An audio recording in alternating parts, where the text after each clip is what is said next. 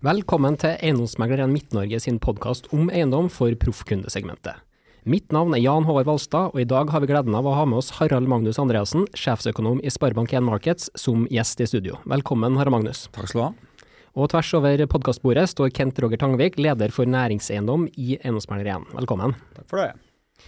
Harald Magnus, nå er det onsdag ettermiddag, slutten av november. Du har akkurat landa flyet på Værnes fra Oslo. Vi skal holde et foredrag sammen for Treasury-kunder her i Trondheim i kveld, og så skal du på siste flyet tilbake til Bergen. Livet er ikke kjedelig som makroøkonom i turbulente tider? Nei, det er aldri kjedelig å være makroøkonom. Det er alltid mye spennende å ta fatt i. Hvor mange presentasjoner holder du i uka i løpet av en sånn høst som vi er inne i nå? Nei, det er, det er så mange. Jeg teller ikke. Men jeg syns det er kjempeartig. Og jeg, Av og til så syns man at, man har fått, at det har blitt for mye, men den dagen ingen spør, så blir det kjedelig det også. Vi setter derfor veldig pris på at du stiller opp her, og at du er med oss på roadshow om enten skal til Rørvik, Verdalen, Hitra eller her i, i Trondheim. I denne episoden skal vi jobbe oss gjennom en forståelse av konjunkturen og aktivitetsnivået i næringslivet. Vi skal se på innvirkninger på sysselsetting, arealbehov for eiendom. Vi skal selvfølgelig innom inflasjon, renteutvikling, tilgangen på finansiering osv. Og, og hele poenget er å se hvordan de her ulike driverne påvirker eiendomsmarkedet nå og, og fremover. Og så må vi jo få avklart, da, har vi en krise i eiendomsmarkedet i Midt-Norge, sånn som så veldig mange snakker om, og som vi kan lese i media ukentlig. Hva tenker du Kent, krise eller ikke krise? Jeg vil ikke si at vi har en eh, krise. Nei, vi må egentlig bare eh, resette litt. Vi kommer ut fra unormale tider, men det, det, er mye spennende på gang. Det er bra fart i næringslivet. Det fikk vi jo høre sist når eh, vi sammen med banken presenterte konjunkturbarometeret. Så det er ikke noen krisestemning for oss i Midt-Norge i hvert fall. Men Da tenker jeg vi benytter anledningen til å prøve å sette ting litt i, i perspektiv. Magnus, du har vært med i gamet lenge. Vi har lav arbeidsledighet. Historisk sett så er jo renta egentlig ganske normal eller lav. Vi har solide banker. Hvordan vil du rangere den tida vi er inne i nå, sett opp mot økonomiske konjunkturer og omtalte kriseperioder vært inne tidligere? Nå er vi jo i en høykonjunktur, eller på slutten av en høykonjunktur. Som du sier, så er arbeidsledigheten svært lav. Bedriftene melder om stor mangel på arbeidskraft fortsatt. Vi ser selvsagt at renteøkning har begynt å bite på igangsetting av boliger. Eh, vi ser det på bilsalget, vi ser det også i vareforbruket har kommet noe ned. Men når vi ser økonomiens samletrag, så er vi fortsatt i en, i en sterk høykonjunktur. Og Utfordringen med det er at den i Norge, som i andre land, har bidratt til at etterspørselen samlet sett har vært sterk i økonomien. Og det har igjen ført til at inflasjonen har blitt høy i mange land. Selvsagt har vi hatt uflaks med russergassen som ble borte fra Europa når Ukraina-krigen startet. Uh, og det er Pandemien hadde nok kanskje litt å si, men mye mindre enn det mange andre tror når det gjelder tilgang på varer uh, fra Østen eller hvor det måtte komme fra. Det viktigste har vært at etterspørselen har vært kjempesterk, og det har bidratt til at inflasjonen ble høy. Og sentralbankene svarte. De startet for sent, og de har tatt godt i nå. Og nå begynner det å virke. Men i dag har vi ikke noe krise. Kjøpekraften til folk, når vi ser bort fra renteøkningene, så er det så lite nedgang i reallønningen at det nesten ikke har vært synlig. Eh, det har vært et fall i reallønn, mens lite, og det siste året har de steget igjen.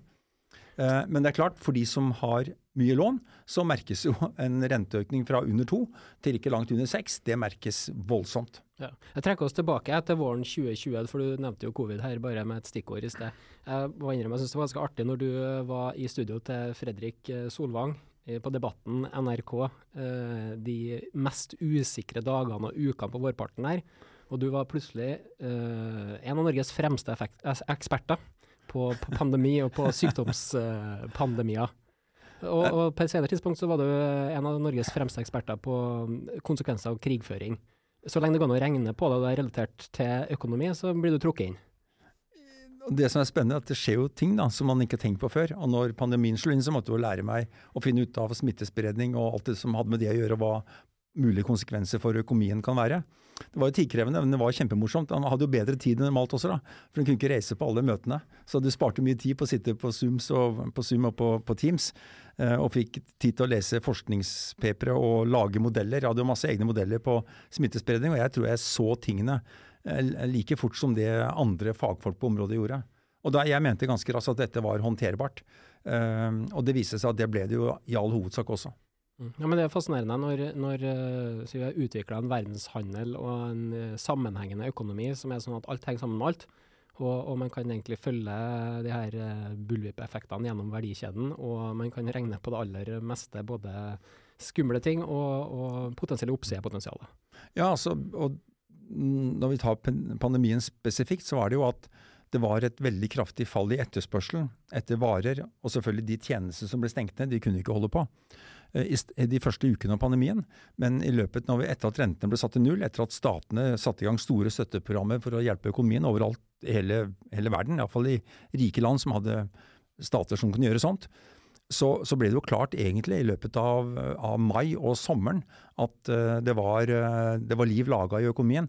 Og i juni-juli måned så hadde vi en detaljhandel i Norge på et nivå vi aldri før har sett. Og det kommer til å ta ti år før vi kommer tilbake til de, de nivåene igjen. I dag ligger vi langt under de nivåene vi lå på. Da hadde vi hadde det vi kalte en pandemikrise i økonomien. Vi handlet i butikkene mer enn noensinne. Men det var ikke bare vi som gjorde det. Vi gjorde det mer enn andre, men alle andre gjorde det samme over hele verden. Og vi sto i kø for å få tak i varene. Og da trodde vi at det var noe galt med forsyningslinjene våre, at ikke fraktmarkedet fungerte, at ikke fabrikken i Kina fungerte. Men, men produksjonsvolumene globalt, fraktvolumene globalt, var jo høyere enn noensinne før. Og det var bare det at alle skulle kjøpe samtidig, og da ble det jo kork og kø. Og alle som var involvert kunne legge på prisene. Fraktratene gikk femgangeren. Eh, og produsentene kunne øke prisene, og økte overskuddene kraftig. Og det var starten på inflasjon. Ja, det er jo det med pandemien og fra et eiendomsperspektiv. òg. Vi var jo veldig usikre. Vi spådde jo liksom at uh, kontormarkedet skulle dø, at ledigheten skulle skyte i været. Uh, for oss som jobba i meglerbransjen, så frykta man jo permittering, at alt skulle stoppe opp. Men det som skjer, det er jo at det, Trondheim er nå tidenes etterspørsel etter kontor. Ledigheten har aldri vært lavere. Boligmarkedet både på bruktbolig, nybolig, skjøt fart. Og vi har hatt det høyeste transaksjonsvolumet på næring i løpet av den 2020, 2021 og 2022-perioden. Men ikke 23 da, skjønner jeg? Ikke 23, nei. Og det er det som er litt sånn spennende. Så den unormale tida, den pandemikrisen, eh, ble jo ikke sånn som vi trodde. Og det blir jo sjelden sånn man tror òg. Vi kommer til 2023 ganske snart, men vi konstaterer at covid-krisen ikke var en krise. Vi husker at finanskrisen heller ikke var en krise her til lands. Det var en krise for de som måtte stenge ned. Eh, vi få fløy, ingen var på restaurant innimellom iallfall. Hotellene var mye stengt ned. Så det var jo sektorer som gikk forferdelig dårlig, og som også da heldigvis fikk støtte av myndighetene gjennom den perioden. Iallfall ja, vi kan diskutere. De fikk det. Eh, og, så det var jo en krise for noen, men når vi ser økonomien under ett, så jo gikk jo ting vanvittig mye bedre enn det mange fryktet. Mm. Og jeg var ganske optimistisk, og det gikk enda bedre enn jeg trodde. Veldig bra. Eh, jeg tenker Vi skal snakke litt om arbeidsform og organisering. og Harald Magnus, Du er jo sjefsøkonom i Sparebank1 Markets. 140 ansatte i Oslo, Stavanger, eh, også Ålesund og Trondheim, som er kjernen vårt nedslagsfelt. Tromsø også. Tromsø også nå, Så vi er, eh, har markedsavdelinger i alle hjørner av landet nå. Ja, og, og, du jobber jo tungt med analyse. Andre deler av Markets jobber med kapitalinnhenting, med, med salg, for å kalle det det. Dere jobber makro og ulike bransjer. Hvordan er en typisk arbeidsdag for en sjefsøkonom i Sparebank1 Markets? Oh, det, ja, det, varierer mye, for det avhenger av hvor jeg er i verden. hva jeg gjør for noe. Men det er, det er jeg, prinsippet så er det at jeg bruker mye tid hver dag på å skaffe meg informasjon. Uh, lese, holde orden på databankene mine, få statistikker inn fra alle mulige kanter, holde orden på realitetene. Og det bruker jeg mange timer på hver dag. Jeg skriver en, en, rapport som nå går ut ukentlig. Den er på 150-200 sider. Med to grafer, eller flere på hver side. Og med kommentarer og vurderinger om alt det som skjer i verden og i norsk økonomi og på markedene. Så jeg bruker veldig mye tid på å holde meg orientert i realiteten i tallene. Og for å finne ut hva, som, hva tallene forteller, og ikke hva andre forteller om tallene. Jeg syns mine fortellinger ofte er de beste, og derfor holder jeg meg til stort sett til dem. Jeg hører på de andre, men aldri mener noen ting før jeg selv ser på tallene. Det er det ene. Og det andre er at jeg forteller om det jeg har funnet ut av kollegaene.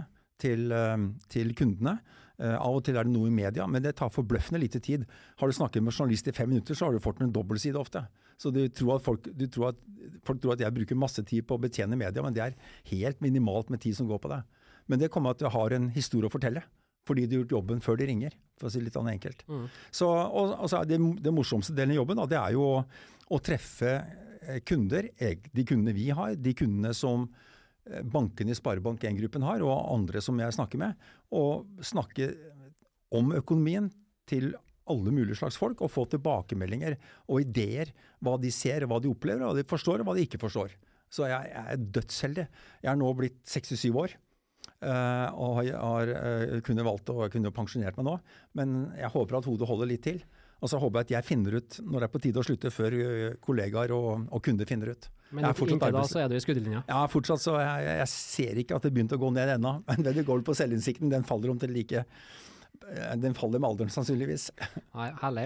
Og så er jo da Marcus selvfølgelig også innom, tungt involvert i eiendom og har eh, egne spesialister som jobber med eiendom eh, på, på alle de her frontene.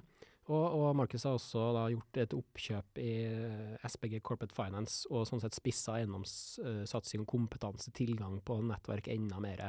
Ja, og det er fordi at eiendom er en viktig del av økonomien, og det er kapitalkrevende. Så det passer jo til oss som holder av på med kapital. Vi, vi, vi er jo involvert i kapitalinnhenting til bedrifter, både med egenkapital, altså aksjer, uh, veldig store på obligasjons, altså obligasjonsutstedelser. Uh, og hente inn, hente inn obligasjonspenger til bedriftene kommuner også, og bankene ikke minst. Så det å en, ha en finger med eiendom, det er en naturlig del av virksomheten vår. Mm. Og som du var inne på, så er det Sparebank1-bankene som eier Sparebank1 Markets? Ja, det glemte jeg å si. Det er jo nå alle bankene i gruppen er med å eie Sparebank1 Markets. Vi er uavhengige, så det er ikke sånn at bankene kan bestemme hva vi skal gjøre og mene. Er lang, det er lang avstand fra eh, Søndregate til eh, Olav femtes gate i eh, Olav den femte, ja. ja. Det var, jo en annen Olav som her, forresten. Han var den første, han.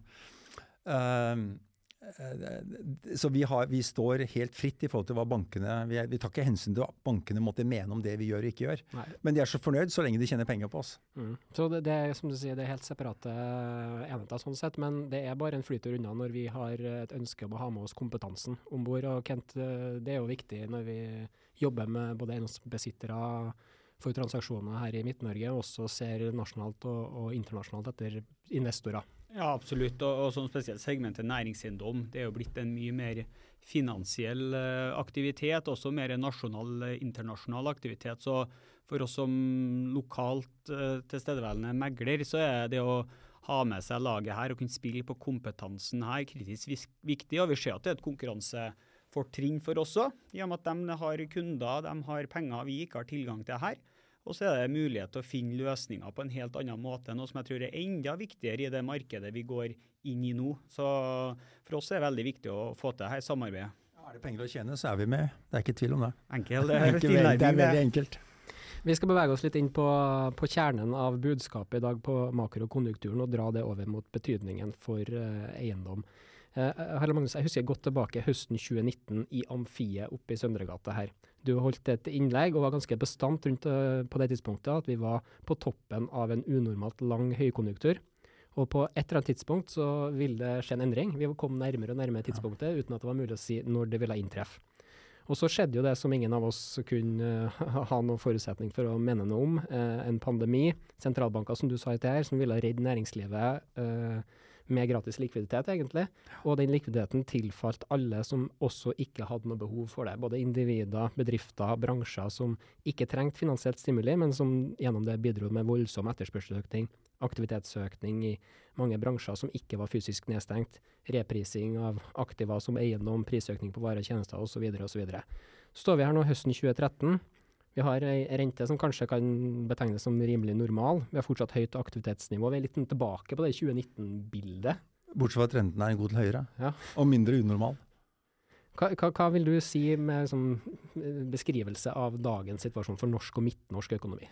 Ja, For det første, mellom midtnorsk og norsk så er det fin liten forskjell. Når vi ser konjunkturene, så er det Nummer én er at uh, du veldig sjelden ser forskjell på global økonomi og norsk økonomi, med unntak av noen effekter av oljeprisen som trekker oss opp og litt ned innimellom. Akkurat nå så trekker det opp. Både skattelettelsen til uh, oljeselskapene og det vi kalte koronatiltak, som virker nå. Uh, og, og løftet i gass- og oljeprisene har bidratt til at vi, en, vi klarer oss litt bedre enn det vi pleier å gjøre relativt til verden. Men normalt er det bare verdensøkonomien og litt pluss-minus for olje. Og når vi ser Trøndelag i forhold til Norge, så er det sjelden at det er store avvik. Uh, og Det betyr egentlig at det som skjer i trøndersk økonomi, det er bare speilebilder på global økonomi. Uh, fordi at vi tenker å handle ganske likt over landegrensene og over landet. Og så er det selvfølgelig spesielle ting da med næringer som er viktige i regionen. F.eks. dere har, her i Midt-Norge er det mer på, på, på uh, oppdrett f.eks. enn land under ett der landbruket er viktigere. Offentlig sektor er også viktig en del en god del steder. Så det kan være noen sånne småforskjeller, men alt i alt er det ganske likt egentlig. Så, men det viktige bildet nå det er jo at vi som vi satt til med, vi er en høykonjunktur som går nå mot slutten. Og det går mot slutten fordi den ikke var bærekraftig. Og sentralbankene tok uh, konsekvensen av det og satte opp rentene brattere enn gjort noen gang siden 1980. Uh, og vi har hatt den ikke bare i kortenden av kurven. Der kan vi jo forklare at rentene har steget fordi inflasjonen ble høy. Og når inflasjonen kommer tilbake, så vil jo rentene komme ned. Og uh, Nå venter markedet at det kommer rentekutt i løpet av neste, av neste år, altså 2024. Eh, på sånn i dimensjon eh, kanskje oppunder ett prosentpoeng. Ett prosentpoeng ned på rentene fra dagens nivå, eller fra eventuelt fire femter, hvis Norges Bank hever i desember. Uh, og dette er helt likt over landegrensene. Det er det ene som har skjedd, og der vil inflasjonen være viktig. På den annen side, når vi ser fremover, så er det noe som er ekstremt viktig også for eiendom. Og det er at de lange rentene har steget så kraftig. Uh, en, en, femårsrente den var nede på en halv prosent eller der omkring under pandemien. Og nå er den på, på oppunder fire. En tiårsrente ligger litt lavere, den var også ned på 1% Og vi har de høyeste rentene med lang løpetid som vi har hatt altså på en 10-15 år. Igjen helt likt over mange land. Og grunnen til at de rentene har steget, og dette er det mest sentrale punktet, det skyldes ikke at man venter at inflasjonen blir høy i mange år. Det er ikke ett finansmarked som ikke priser inn at prisveksten kommer rett ned i 2024, 2025 og 2026 er vi tilbake på, og 25 til og med, på helt normale nivåer. Hadde det vært slik at rentene, la oss si en femårsswap eller en tiårsswap, hadde steget fordi inflasjonen skulle bli høy i mange år, så kunne vi si ja, da kan vi jo legge på leiene hvert eneste år fremover. Vi vet at vi kunne legge på leiene i 22 og 23 nå, med, gode, med KPI-justeringen. Og vi kan sikkert også få noe mer normalt neste år. Men da er det stort sett slutt. Mens rentene de er der oppe på et helt annet nivå enn tidligere. Og dette kan vi jo regne på, for vi har tall for inflasjonsforventninger i de fleste finansielle markedene. Vi har ikke det et marked for det alene spesifikt i Norge, men vi har det nesten overalt ellers, så vi kan lett overføre det til Norge. Og da er det sånn da, Vi kan også spørre økonomer og andre hva de tror om inflasjon fremover. Og Det vi ser da veldig enkelt, er at det er ikke ett sted det ventes at inflasjonen blir høyere enn før. Det er bare det at realrentene må være høyere enn før for å hindre at inflasjonen blir høy. Og det betyr, og det løftet i realrentene, som er sånn typisk et eller annet sted mellom ja, to til tre prosentenheter, det motsvares ikke av at vekstutsiktene for økonomien har blitt bedre, at BNP-veksten blir høyere, at økonomien blir sprekere enn før. For ofte når rentene stiger, så er det fordi at vi tror at veksten i økonomien blir bra, at inntektsveksten blir høy. F.eks. at eh, vi får en, en lite arealledighet, leiene, realleiene kan stige, i tillegg til at, at inflasjonen løfter leiene. Og da er det ikke så farlig med renteøkning, for det motsvares av økte inntekter. Det som er utfordringen nå, det er at Rentene har steget uten at vi finner en økte inntekter noe sted. Og dette er enkelt hvis du har kjøpt en, en obligasjon, en fastrenteobligasjon. Prisen på den obligasjonen, den vet du faller som en stein når renten stiger. Så for de som har lang løpetid på obligasjoner, så har det vært en, ja, på en sånn, eh, et børsprodukt på dette i USA, så er verdien halvert. Den er tilbake der den var i 2014. Fordi ingen kan drømme om at Utstedere av obligasjonene vil komme til å skrive ut en gratis kupong, en trøstekupong-rente, fordi du var så uheldig og kjøpte obligasjoner og renta var lav. Og dermed så faller verdien av obligasjonene. Og Sånn er det med verdsetting av alle fremtidige kontantstrømmer. Hvis vi ikke har et godt argument for at kontantstrømmen blir høyere enn vi trodde før, så har verdien av den kontantstrømmen falt når rentene stiger. På samme måte, dette er viktig, på nøyaktig samme måte, men da med motsatt fortegn selvfølgelig, som at verdiene på kontantstrømmen steg da rentene falt, fordi avkastningskravet vårt falt som en stein når rentene falt. Tar vi kontoreiendom i Oslo, og dere har egne tall her i, i, i, Trondheim, så falt jo typisk gilden, altså for en ti år tilbake drøyt, så var vel gilden en 6% Gilden falt til 3,25 tok ikke lang tid å reprise ned? Nei, det gikk greit unna, og verdiene har steget forrykende fordi avkastningskravet ble lavt, fordi renten var nede på nivået vi aldri før i historien har sett. Det viste seg at det var ikke en bærekraftig rente, iallfall det markedet tror på i dag. En ting er at sentralbanken gjør noe, men når vi ser gjennom hva sentralbanken holder på med, og ser fremover, så er da rentenivået mye høyere. Og vi må tilbake også da ti år for å finne tilsvarende renter. Så når, når, når renten er tilbake der det var for ti år siden, så er det nærmest utenkelig at ikke avkastningskravet for de som skal kjøpe disse lange kontantstrømmene, stiger tilsvarende. For du kan kjøpe hva du vil av verdipapirer absolutt over hele verden, hvor renten er doblet. Fra la oss si tre til seks, eller fra tre til syv. Og, og, det er, og, det er, problemet nå, at det er jo ingen som liker det hvis du har kjøpt da, obligasjoner til en høy pris etter at de ble doblet da, når rentene falt.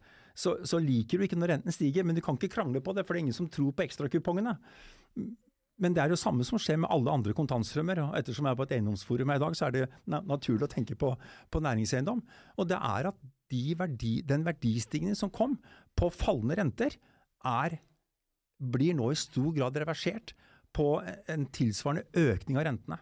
Men Er du overraska, du som har så lang fartstid, Harald Magnus, at når renta gikk i null, så repriser vi på en måte eiendomsmarkedet over natta. Og eiendom som er kanskje et ganske langsiktig investeringsperspektiv, er det du som har vært med lenge, liksom, er det er normalt å agere sånn?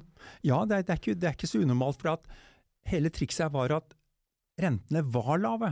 Kapitalen var tilgjengelig til lav pris. Du kunne binde inn en tiårs øh, øh, swap og legge på bankmarginen og få en, en rente på rundt 3% Sånn, under, under 3 Og det var det det kostet å skaffe kapitalen for å kjøpe en eiendom. Ja, men da var du fornøyd med å få en, en, en yield på eiendommen som lå like over 3 og så var det noe inflasjon som kommer oppi her. For den yielden er en realrente. Men ettersom inflasjonen ikke er blitt høyere enn før, så er det samme som å se på rentene. Så det, ikke, det er ikke noe å gjøre med. Altså det, det, det er matematikken. Finansmatematikken er der.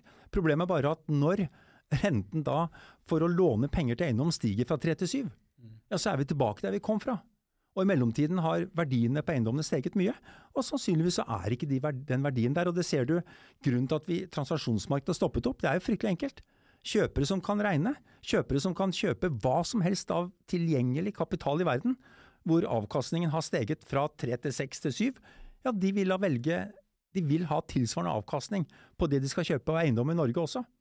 Så, og det er jo raskere det skjer, på en måte, jo bedre er det jo. For da kan jo folk begynne å kjøpe igjen. Og kjøpe og utvikle og drifte eiendommene og få nye folk inn. Alle de tingene som er viktige i et eiendomsmarked. At det er altså, liv og røre, og at det er de som ser nye muligheter og ser byutviklingen, whatever det er, som er driverne. Så får de en pris som er riktig. Og da, eh, akkurat nå så er vi i en måte dødvanne, fordi at det er ikke mange nok selgere som, er, som kanskje trenger å ta det tapet. Så de kan heller vente og se om det går over. Og kjøperne vil ikke kjøpe før de får en pris som står i stil med all annen avkastning som vi har tilgjengelig. Mm. Men ettersom det her eh, si, enorme omslaget i hva som vil være riktig prising da, ut fra et renteperspektiv, har skjedd i løpet av bare to til tre år, så er det jo et fåtall av eiendommene som har skifta hender, eller som har vært en del av en transaksjon. Så de aller fleste eiendommene sitter jo på de samme hendene, med omtrent de samme leietakerne, bedre leiepriser, eh, ja. litt annen finansieringssituasjon nå enn hva man eh, hadde før 2020. Men, men eiendom er jo et langt game, så vi ser jo at majoriteten av eiendomsbesitterne er jo sånn sett ganske uberørt, hvis man sitter med en fornuftig. Ja, ja. Og det er jo helt, det er riktig som du sier her på Altså Det er ikke en katastrofe for de som har sikret langsiktig finansiering og har fast rente på finansieringen. Men det er klart at hvis du har en flytende rente på lånet, så har jo den da steget fra 3 til 7. Sånn? Og det, det er eh, Storparten av Norges Banks bidrag, men også påslagene. Alle kredittspredde i verden har steget. Bankenes påslag på utlån til, til nærings, næringseiendom har steget, iallfall ifølge de undersøkelsene vi har. Ikke dramatisk, men det har bidratt til også. Bankenes kostnader med å finansiere seg har steget ganske markert. Over swap-renta. Så en typisk en femårsfinansiering for bank har, har påslaget steget med ca. 50 basispunkter. Utover økningen i Nibor eller i swap-renta. Mm. Og, det, og, det, og, det, gjør sant, at det er Heldigvis er det sånn at mange steder så har du noe å gå på, fordi at uh, renten var lav og yielden var ganske sånn er typisk Jo mindre sentralt jo mindre færre alternativer det leietakere der, jo større risikoen og høyere er yielden. Så der hvor du i utgangspunktet hadde la oss si en 7-8 yield, uh, så går du rundt selv om renten har steget fra 3 til 7. Men har du hatt en eiendom f.eks. sentralt i Oslo, som, er, som, var finansiert opp med mye gjeld, eh, og du en, eh, hadde en gild på 3,25 når du kjøpte den, på toppen, da, ja, så har du problemer sant, når du har leieinntekter på, på 3,5 eller på 3,25 av den gjelda du tok opp. Som var greit når, når rentene var under 3, men nå er den jo på 7. Og da går ikke regnestykket i hop. Og det ser du at de, aksjon, de, eierne som gikk inn i de prosjektene, som da er avhengig Nå må de jo gå i obligasjonsmarkedet for å finansiere seg og refinansiere seg. Så har jo egenkapitalen falt 75-90% i verdi. Og det, og det er måte, på samme måte som de, hvis de hadde kjøpt for noen år tilbake, hadde hatt tilsvarende verdistigning. Hvis du kjøpte på toppen, så får du bare nedturen. Det er måte det ubehagelige med kapitalismen. Ja, Det er en fin ryddeøvelse også. Vi, vi, har jo færre av de her syndikerte prosjektene i Trondheim enn i Oslo-markedet. Det er langt mindre utbredelse av obligasjonsfinansiering, i større grad bank. Også en del på lokale banker med langt perspektiv. Um, men, men, det er jo caser som er på det som du sier her. Men hvis vi ser på transaksjonsvolumet så langt i år, Kent, som er på nesten 3,9 milliarder, som er et høyt tall for Trondheimsmarkedet. Hva er det som kjennetegner de transaksjonene? Klarer vi å vaske det opp mot resonnementet til Arne Magnus her i sted, med hvilke type eiendommer som vil måtte komme for salg, eller aktører som er på kjøpersida? Ja, ja det, det, er veldig interessant. og det Han sier jo akkurat det vi opplever i hverdagen. er den forventninga som ikke er samstemt nå mellom dagens selgere og dagens kjøpere. og, og Volumet har jo for så vidt vært bra i år. Det er, godt gjort. et godt volum, men det vi ser at fire av de eh, transaksjonene utgjør jo nesten 2,8 milliarder. Og, og, det er jo dealer som er påstarta i 2022. Og interessant er der at det er jo livselskaper, Storebrand, som er selgerne egentlig nå. Og det er jo det som kanskje gjelder litt hele landet òg. Så de, de, er jo den største bidragsgiveren til volumet her i Trondheim. Og I det eiendommene der så, så, er det jo noe kontantstrøm, selvfølgelig, men det er også med utviklingspotensialet. Ja, det er jo utelukkende den value add-biten der. For de eiendommene ligger i områder i Trondheim hvor det på en måte skal skje mye. Det er ikke fullt ut utbebygd i henhold til tomtestørrelsen. så at uh, det er et mulighetsrom som sier at utviklingseiendom er jo kjempespennende, mens rene kontantstrømeiendommer har stoppa helt opp i, i segmentet vårt. Og så er det mye mye egenbrukere som realiserer liksom, de, de, har gevinst uansett, men den kunne ha vært større om de solgte for to år siden. Men det er fortsatt ja, ei bra oppside. Det, det er for sent nå, ikke sant. Men det som er viktig, det er at Men det er veldig godt å høre at eiendommer som skal harnieres, som skal utvikles på en ny måte, at, de, at, du får gjennomført de transaksjonene. For at det som er av kontantstrømelement i de eiendommene, er jo akkurat samme som på andre eiendommer som ikke har utviklingspotensial.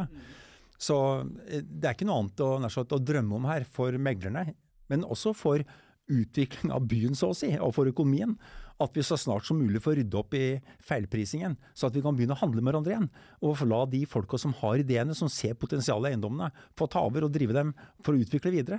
For det verste, verste som kan skje, det er at, at transaksjonsmarkedet stopper opp, og at det da ikke får den nødvendige omstillingen og endringen internt i eiendomsmarkedet.